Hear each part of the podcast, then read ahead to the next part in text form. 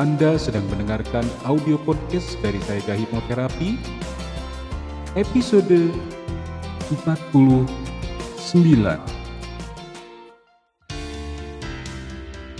Selamat datang di serial audio podcast bersama Sayaga Hipnoterapi. Institusi penyedia layanan hipnoterapi dan konseling profesional di Kota Bandung yang membantu penanganan berbagai masalah kesehatan, emosi, dan perilaku yang mengganggu kualitas hidup. Berpijak pada nasihat luhur, eling, waspada, lansayaga, serial audio podcast Sayaga Hipnoterapi hadir untuk membantu Anda menata kehidupan yang berkualitas secara fisik, mental, emosional, dan spiritual dengan sikap yang lebih berkesadaran, lebih berwaspada, dan lebih bersiaga. Serial audio podcast Sayaga Hipnoterapi menghadirkan inspirasi kehidupan yang diintisarikan dari berbagai keilmuan psikologi dan pengembangan diri yang juga diadaptasi dari kisah nyata para individu yang menjalani program terapi dan konseling bersama tim profesional dari Sayaga Hipnoterapi. Halo semua, salam jumpa lagi bersama saya Tuntun Widianti. Sebagai pembuka, saya ucapkan salam eling waspada dan Sayaga. Semoga semua pendengar selalu sehat sejahtera, berbahagia, dan sukses selalu kapan pun dan di mana pun Anda berada. Para kawargian Sayaga, pada podcast kali ini, saya akan membawakan materi tentang cara mudah meredakan stres. Nah, Para kawargian sayaga, hampir setiap orang pasti pernah mengalami stres. Stres adalah perubahan reaksi tubuh ketika kita menghadapi ancaman atau tekanan dan juga situasi yang baru. Nah, ketika kita menghadapi stres, tentunya tubuh akan melepaskan hormon adrenalin dan kortisol yang tentunya kondisi ini akan membuat detak jantung kita akan menjadi lebih cepat. Kemudian tekanan darah juga akan lebih meningkat. Pernapasan menjadi lebih cepat serta otot menjadi lebih tegang. Namun kondisi ini tidak boleh dibiarkan berlarut-larut agar stres tidak terus berlanjut sampai menimbulkan gangguan kesehatan, tentunya para kawargian harus segera melakukan tindakan agar stres menjadi reda. Para kawargian, baik tubuh ataupun fisik, mental juga ada e, cara pertolongan pertama untuk menghilangkan stres. Nah, Caranya tuh apa saja sih atau bagaimana sih? Nah, yang pertama adalah saat para kawargian merasa muncul rasa tertekan, cemas, ada atau ada perasaan yang tidak enak dalam hati, kita bisa melakukan dengan memeluk diri sendiri yang biasa disebut sebagai butterfly hug. Sambil lakukan dialog dengan diri kita kita, kita bisa katakan bahwa kita baik-baik saja dan semua permasalahan akan segera berlalu dan kita akan kuat. Kita bisa melampaui ini semua. Nah, kita di sini yang dimaksud adalah diri pribadi diri kita sendiri dengan inner child misalnya. Nah, itu bisa uh, yang sudah saya pernah sampaikan di dalam uh, artikel saya, jadi kawargian bisa membacanya. Nah, saat kita melakukan memeluk diri sendiri, kita juga kalau misalnya ada perasaan ingin menangis, maka kita bisa menangis, lakukanlah itu. Sampai perasaan dalam hati menjadi lebih tenang. Nah, lakukan ini bisa di tempat yang yang pastinya lebih pribadi ya, misalnya dalam kamar gitu. Nah kemudian pada kawargian cara yang kedua adalah bisa kita menyingkir sejenak uh, ke tempat yang lebih hening atau lebih tenang sambil mendengarkan lagu-lagu yang mungkin kawargian sukai. Kawargian bisa pergi, misalnya tadi ya sudah saya sampaikan, masuk ke dalam kamar atau mungkin ke tempat yang kawargian sukai. Misalnya ke tempat yang memiliki alam yang tenang. Nah, jika bahasa zaman anak sekarang ya, itu bisa biasa sering orang menyebutnya healing katanya. Padahal arti healing sendiri bukan jalan-jalan di tempat yang tenang ya. Nah, nanti di podcast berikutnya saya akan menjelaskan mengenai arti healing yang sebenarnya.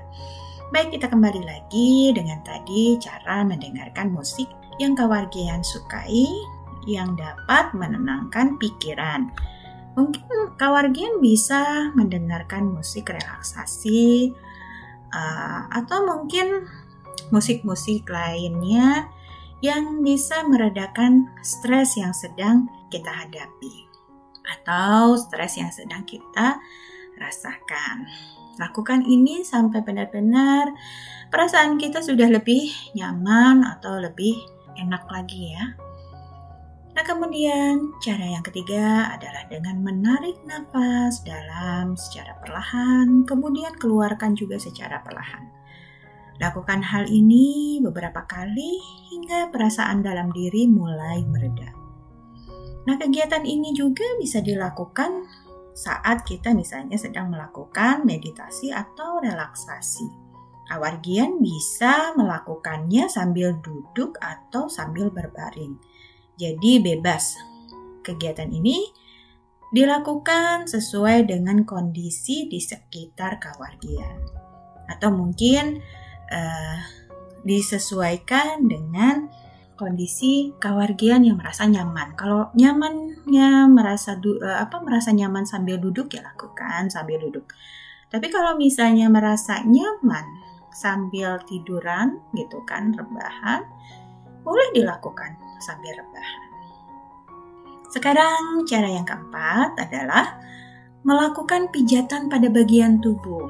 Nah ini kenapa ya kita harus melakukan pijatan-pijatan bagian tubuh? Pijatan-pijatan ini dilakukan dengan cara yang ringan, jadi ya tidak usah juga terlalu keras. Nah, lakukan pijatan-pijatan ringan pada beberapa bagian tubuh yang akan melepaskan energi negatif yang tersumbat dalam bagian tubuh atau pada bagian aliran darah. Karena saat kita stres, apalagi stres ini kalau misalnya sampai berkepanjangan, hal ini tentunya akan mempengaruhi tingkat energi dan kemudian akan mempengaruhi perubahan pada perilaku kita. Contoh, jika kita sedang cemas atau mungkin kesal yang memang kondisi kita saat stres ya energi ini akan menyumbat yang tadinya energi positif yang harusnya mengalir dengan baik di dalam tubuh kita ini akan tersumbat. Nah, pada akhirnya akan merubah perilakunya seperti apa? Mungkin kita akan menangis atau marah-marah tidak jelas atau mungkin akan menghambat kita untuk melakukan sesuatu yang seharusnya kita lakukan menjadi tidak dapat kita lakukan. Nah, itu salah satu contohnya. Makanya, pijatan-pijatan ini bisa dilakukan adalah untuk melancarkan kembali energi negatif tadi menjadi energi yang positif. Nah, pijatan-pijatannya itu di bagian mana saja? Bisa kita misalnya melakukan pijatan atau mungkin ketukan halus, pijatan ringan, misalnya di, di area ubun-ubun. Biasanya kalau sedang stres, kepala itu menjadi pusing kan? Nah, itu bisa kita lakukan pijatan itu. Di bagian ubun-ubun, kemudian kita lakukan pijatan atau ketukan ringan juga di bagian eh, apa namanya antara alis, kemudian tulang mata di bagian ujung luar, kemudian di bagian leher bawah ya dekat dada antara ada di situ ada tulang yang menonjol. Nah di antara tulang yang menonjol itu kita juga lakukan ketukan itu atau misalnya ketukan-ketukan atau pijatan ringan juga di bagian dagu, di bawah hidung, kemudian turun lagi ke bawah misalnya di bagian dada ya. Di bagian dada sebelah kiri, yaitu di bagian jantung. Kita bisa lakukan pijatan juga di situ atau ketukan-ketukan. Kita lakukan pijatan halus di bagian situ. Kemudian di bagian tangan, telapak tangan ya, kita bisa lakukan pijatan-pijatan ringan. Kemudian tuh uh, di bagian perut ya, di atas apa pusar, kita lakukan juga pijatan ringan. Atau mungkin kawargian lebih enak, mungkin lebih rileks kita lakukan pijat refleksi misalnya di bagian kaki. Nah, itu juga bisa dilakukan. Nah, pijatan-pijatan ini adalah untuk melancarkan kembali aliran energi yang tadinya terhambat, yang seharusnya memang dia lancar, aliran energi positif ini, tapi karena ada medan negatif ya energi negatif karena kita tadi sedang dalam kondisi emosi yang sedang tidak stabil, maka si aliran ini akan jadi tersumbat. Nah, untuk itu ada baiknya kalau seandainya kita melakukan pijatan-pijatan ringan di area tadi. Baik, untuk baik e, cara yang terakhir adalah melakukan afirmasi positif pada kita, ya, pada diri sendiri. Uh, kita lakukan afirmasi positif. Nah, tentunya kalau yang namanya afirmasi positif, kita artinya harus menyampaikan dengan bahasa yang positif pada diri kita sendiri. Kalimatnya kalimat positif. Jadi, kita bisa sampaikan bahwa saya layak bahagia. Saya layak untuk dicintai. Saya layak untuk menjadi pribadi yang sukses. Saya layak untuk hidup damai. Nah, saat kita mengatakan afirmasi ini, bayangkan juga bahwa kita berada pada situasi yang sesuai dengan kalimat yang kita sampaikan untuk diri sendiri tadi, kalimat positif tadi. Kalau misalnya uh, saya layak bahagia, bayangkan bahwa memang saya sedang dalam kondisi bahagia. Boleh ambil momen ketika atau pengalaman ketika kawargian uh, memiliki suatu peristiwa yang memang membuat bahagia. Misalnya saat di hari pernikahan atau mungkin saat sedang apa kita baru punya momongan atau apa pun itulah di mana momen-momen yang memang kita benar-benar merasa sangat bahagia. Nah, sambil kita uh, apa melakukan afirmasi itu, kita juga bayangkan kita sedang dalam kondisi seperti yang kita uh, sampaikan tadi saya layak bahagia, maka uh, bayangkan kondisi saat kita sedang bahagia. Kemudian, saya layak untuk dicintai, maka bayangkan kita berada di dalam suatu lingkungan orang-orang yang memang mencintai kita. Yang tentunya pasti di situ ada orang tua, mungkin ada pasangan, mungkin ada anak atau sahabat atau siapa pun itu. Kemudian saya layak untuk menjadi pribadi yang sukses. Nah itu juga bayangkan saat kita nanti atau cita-cita kita kalau saat sekarang ini misalnya kita merasa belum sukses masa maka kita bayangkan diri kita yang sedang sukses seperti apa. Nah itu bayangkan. Kemudian saat misalnya kita juga membuat afirmasi saya layak untuk hidup damai maka bayangkan juga hidup kedamaian yang kita inginkan itu seperti apa. Dan lakukan ini terus-menerus. Bisa dilakukan tadi saat kita sedang uh, relaksasi atau sedang bermeditasi, tadi kan, uh, atau sedang misalnya uh, kita sedang sendiri, sedang tidak sibuk. Nah, lakukan itu terus-menerus berulang-ulang. Nah, kawargian, itulah beberapa cara mudah dan sederhana untuk meredakan stres.